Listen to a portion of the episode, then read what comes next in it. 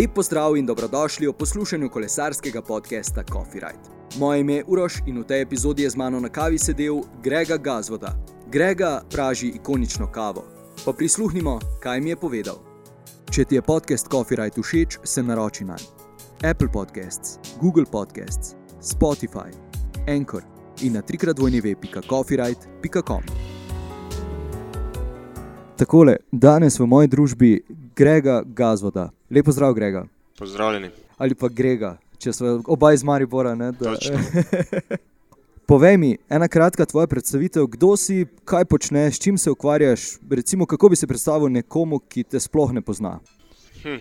Uh, ja, ena taka kratka varianta bi bila mogoče, uh, da je bilo na začetku uh, bolj kolo, pa malo kave, zdaj pa bolj kava, pa malo kolesa. No. To bi bila, to bi bila najkrajša predstavitev, pa najbolj v bistvu op- opiše vse skupaj. Ne? Ja, točno. Ok, snemamo podcast Coffee Ride. Kakšno kavo rad piješ, kakšno imaš rad? Tukaj me zdaj zelo zanima odgovor. Uh, tole Lamberš lahko traja pol, uh, celo večnost. Predvsem raznoliko. Rad poskušam, uh, kaj kava lahko vse ponudi, pač, uh, glede okusa, arom. Uh, predvsem, predvsem pestrost. Da se zdaj na začetku malenkost umakneva stran od kave. Kakšni so bili v bistvu sploh začetki tvojega kolesarjenja? Kdaj si se v bistvu spoznal s kolesom? V bistvu sem a, v času, ko sem še hodil v osnovno šolo, a, igral tenis in mi je kolo predstavljalo a, v bistvu fizično pripravo ali pa kondicijski trening, bolj a, v smislu kondicijskega treninga sem pač pogosto šel na kolo. In mislim, da nekje pri 14 letih sem v bistvu a, doživel tisti trenutek, ko mi je nekako kolo postalo bolj všeč kot pa tenis. no. Zdaj se nisi čisto omaknil za svojo športno upokojitvijo iz kolesarstva. Si to v tem trenutku tudi športni direktor tirolske kolesarske ekipe, če se ne motim. Ja, res je, eh, v bistvu je bolj po spletu na ključi, eh, nekako ni bilo to planirano, ampak na koncu ja, se je tako obrnilo, da sem nekako še ostal povezan eh, s kolesarstvom, kar mi je zelo všeč. V bistvu je kolo bila taka moja velika ljubezen, se pravim, že tam iz osnovne šolskih dni in uh, ko si tako dolgo pri nečem, je, je kar težka stvar, kar zapustiti vse skupaj naenkrat, uh, ves ta svet in uh, ja, v bistvu zdaj v tej novi vlogi uh, kar uživam. Kako zdaj vidiš v bistvu recimo, treninge kolesarstva kot takrat, ko si sam treniral? Gledaš z drugačnimi očmi ali so se treningi tudi sami toliko morda spremenili? Ali je tisto v osnovi ostalo še vedno enako? Hm, to je kar težko vprašanje. Spremenilo se je v bistvu ogromno. Uh, je kar dolgo obdobje od takrat, ko sem začel trenirati. Do konca moje kariere, mislim, da imel kar dolgo kariero in uh, vmes uh, v bistvu je bilo ogromno nekih uh, novotarij, tako v bistvu pri vsakem športu. Uh, ogromno znanja je zdaj v bistvu mladim na dosegu roke ali pa interneta.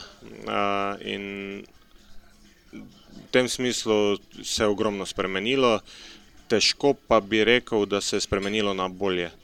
Kolesarstvo je sedaj predvsem drugačno in uh, je izgubilo ogromno. Izgubilo je neko romantiko, neko, da rečem, analogno noto in uh, je vse skupaj bliže znanosti kot pa nekemu uh, prvinskemu športu. Pa. In ja, pač uh, šport je kakršen je, na najvišjem nivoju je konkurenca izredno izenačena in uh, če hočeš biti danes uh, konkurenčen in uspešen, se seveda moraš uh, prilagoditi tem, recimo, temu novim pravilom. Bi tukaj katero stvar izpostavil, zaradi, zaradi katere misliš, da je, da je kolesarstvo izgubilo recimo čar? Uh, je katera stvar, ki posebej izstopa? Ali... Mislim, da je to pač posledica globalizacije. Prej je kolesarstvo bilo doma v nekaj evropskih državah, vsi ostali so bili bolj ali manj eksoti. Danes, ne glede na to, odkje prihajaš, če pokažeš nek talent, opozoriš na se, v bistvu te poiščejo in imaš naslednji dan pogodbo na mizi. Tako da v tem smislu se je ogromno spremenilo. No. Zdaj, v bistvu, si mi nekako dal istočnico eh, z svojim odgovorom, in sicer vedno bolj se pojavljajo recimo, novice eh, v člankih ali kakorkoli, da velika večina profesionalcev ponovno vozi vsaj kronometre brez powermetra. Ker nekako se toliko dobro poznajo, da vedo, pač, kaj v tistem trenutku zmorejo. Bi morda rekel, da, da gre do nazaj k prvinam, da več ne gledajo zgolj v številke. Pa, ja, sigurno, da predvsem izkušeni kolesari z, z ogromno prevoženimi kilometri do potankosti poznajo svoje telo. Res pa je, da občutki lahko tudi lažejo. Ne? In je to ena izmed možnosti, zdaj so neke ideje, da bi na dirkah vozili brez power metrov, ampak bomo videli, to ni recimo naša odločitev. Kdaj pa se je rodila tista ljubezen do kave? Je bila skozi prisotna med tvojim kolesarjenjem ali se je postopoma rojevala, da recimo tako eh, postavim vprašanje? Ja, zanimivo, mogoče je vse skupaj bilo kar uh, istočasno. Tam nekje uh, ob koncu osnovne šole, mogoče začetek srednje, so bila tista leta, ja, ko je nekako sklila ljubezen tudi do kave. Ja. Zdaj naslednje vprašanje je popolnoma romantično. Torej, kje si spil tisto najboljšo kavo, oziroma trenutek, ko si spil tisto skodelico kave, pa si rekel, evo, zdaj pa bi jaz morda se začel bolj intenzivno ukvarjati s kavo.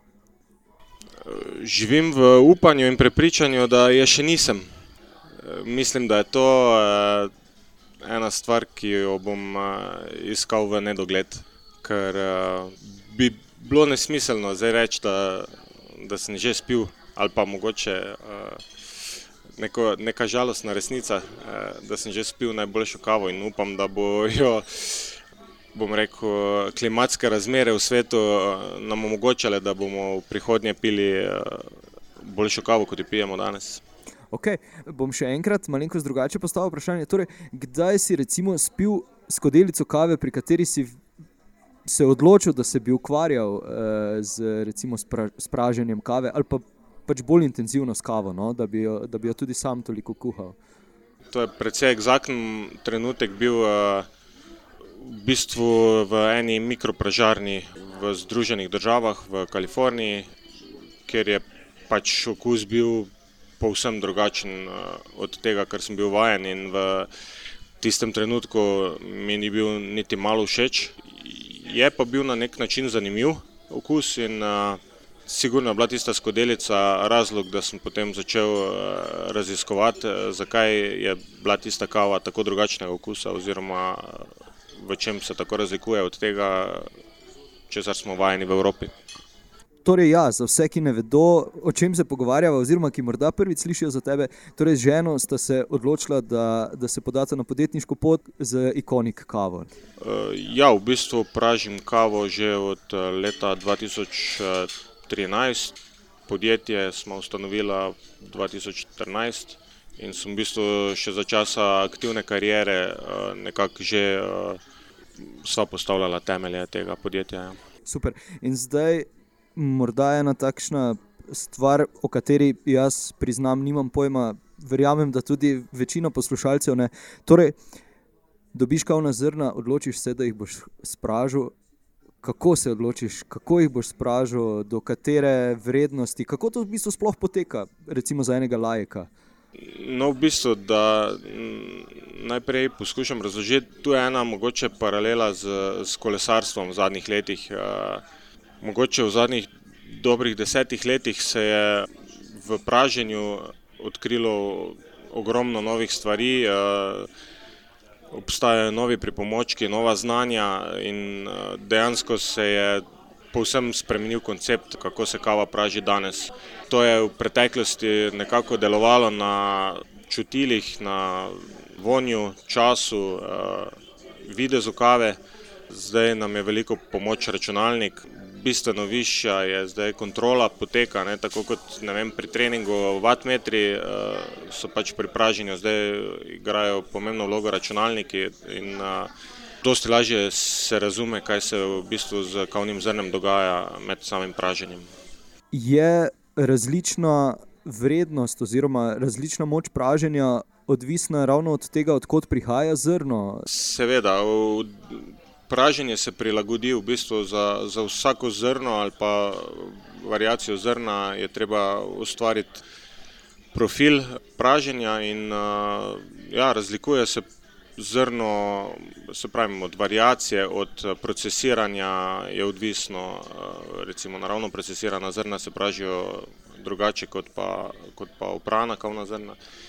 Potem tudi fiziološke lastnosti samega zrna, od gostote, vlažnosti, vse to vpliva na, na potek praženja, ja.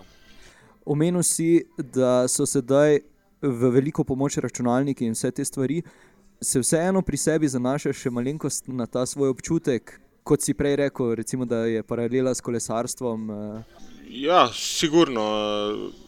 To je nekako tako, kot da bi istemu šefu dali enak, mislim, različnim šefom dali enake sestavine, pa bi vsak pripravil različno jed, isto je pri praženju. Verjamem, da če povsem enaka zrna spražijo trije različni pražarji, bo kava pri vseh od teh treh imela nekako različne karakteristike. Saj s potekom ali pa s praženjem v bistvu vplivamo in na, na kisline in na arome in s praženjem v bistvu lahko precej manipulira pražar okus. Če greva zdaj dalje od praženja, katera pa bi bila recimo tvoja najljubša metoda priprave kave? Težko bi izpostavil zdaj eno pripravo. Na poti ponavadi uporabljam Aeropress, ker je pač enostaven za prenašanje, doma pa največkrat espresso. Veliko si na poti, kako v bistvu si še naročiš kdaj v kakšni, v narekovajih, beznici kavo, kjer veš, da morda ne bo najboljša, ali se raje odločiš za drugo pijačo? Ne, mislim, da je to ključno, ker le tako nekako ohraniš realen stik s, s stanjem na trgu. Mislim, da smo, kar se kave tiče, bistveno premalo kritični. In ja, to mi sigurno nikoli ne bom zavrnil skodelice kave, ker saj pravim, težko pol ohraniš neko realno sliko, kaj sploh dobro je, kaj ni dovolj dobro, ne, če piješ samo vrhunske kave, ne vem, z nad devetdeset točk, pol težko ostaneš zadovoljen s tem, kar piješ, no. Razumem. Imaš morda kakšen nasvet za poslušalce, kako si na preprost način narediti zelo, zelo dobro kavo? Tako kar iz glave morda, če je kak. Pa rekel bi, da ne glede na to, na kak način si pripravljajo kavo, da največ, kar lahko naredijo, je to, da v bistvu sami zmeljejo kavo tik pred pripravo. Kavno zrno je v bistvu zakladnica in arom in okusov in nekako smo se vsi razvadili, da bi imeli že vse instant, ampak mislim, da so naše babice dobro vedele, zakaj imajo doma mlinčke za kavo in so same mlele kavo. S tem v bistvu na najlažji način narediš največji korak v smislu kvalitete napitka. Torej, Grega, bilo jih je najbrž veliko v tvojem, v tvoji kolesarski karieri pa seveda tudi sedaj. Je ostal kateri coffee ride posebej v spominu, torej da si se nekje odpeljal po eni trasi, se ustavil na kavi, se vrnil domov in rekel: "Tega pa ne bom nikoli pozabil." Je morda kaj takšnega? to bi mogel dobro pomisliti, Ne, mislim, da zaenkrat ni bilo še takega rida, ampak upam, da, da ga še doživim, no, takega, da bo res ostal v spominu. Super. Za konec samo še en nasvet morda ali pa misel za vse poslušalce, karkoli pade na pamet. Ja, tole bo pa eh, zelo enostavno. V bistvu eh, apeliram na, na vse, ki tole poslušajo, da, eh, da grejo v prvi priliki eh, na kolo in eh, se vmes ostavijo na eni dobri kavi. Super, Grega, najlepša ti hvala za ta pogovor. Hvala vam. Gregorju še enkrat najlepša hvala, da si vzel čas za kavico in pogovor. Mi se ponovno slišimo prihodnji petek. Če ti je podcast Coffee Right všeč, se naroči na Apple Podcasts, Google Podcasts, Spotify, Anchor in na trikrat vojni web.coffeeright.com.